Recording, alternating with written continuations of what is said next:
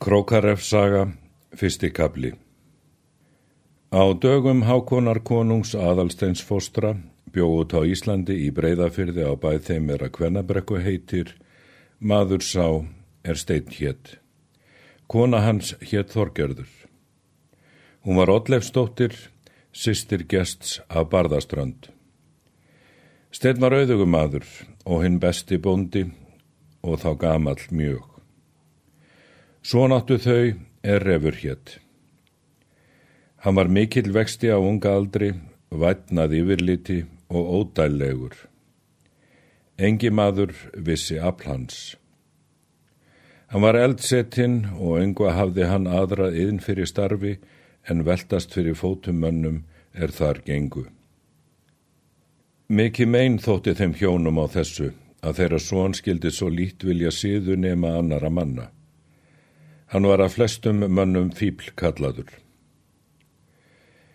Maðurinn nefndur Þorbjörn, auðugur og ódæll og vígamaður mikill og hinn mesti ójafnaðar maður. Hann hafði búið í öllum landsfjörðungum. Höfðingjar og öll alltíða höfðu þennan mann brott gerfan hver úr sínum landsfjörðungi fyrir sakir ójafnaðar og vígaferðlis.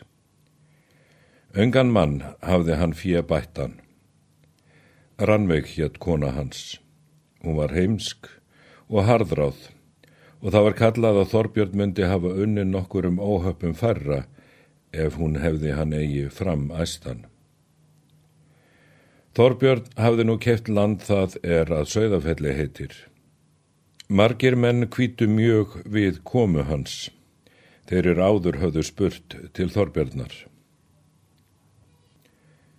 Skamt var á millum bæja þeirra steins og þorbjörnar og fjallar á eini millum svo er skildi lönd þeirra.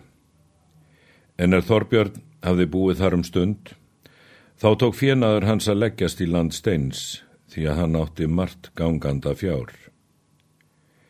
Eitt sem kom steitna máli við Þorbjörn búa sinn og mælti.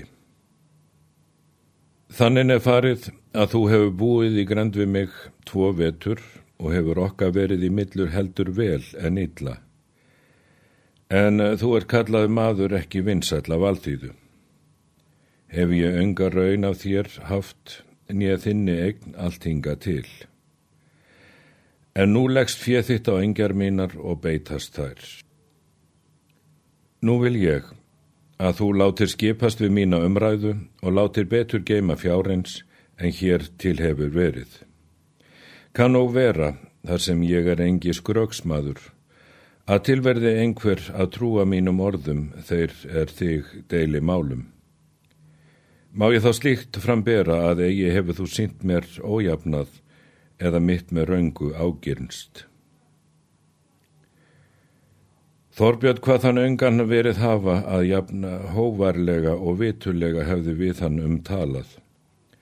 Lest það ætla ef fleiri hefðu svo umtalað það ábóta þetta vant að hann myndi færri stökkvík gert hafa.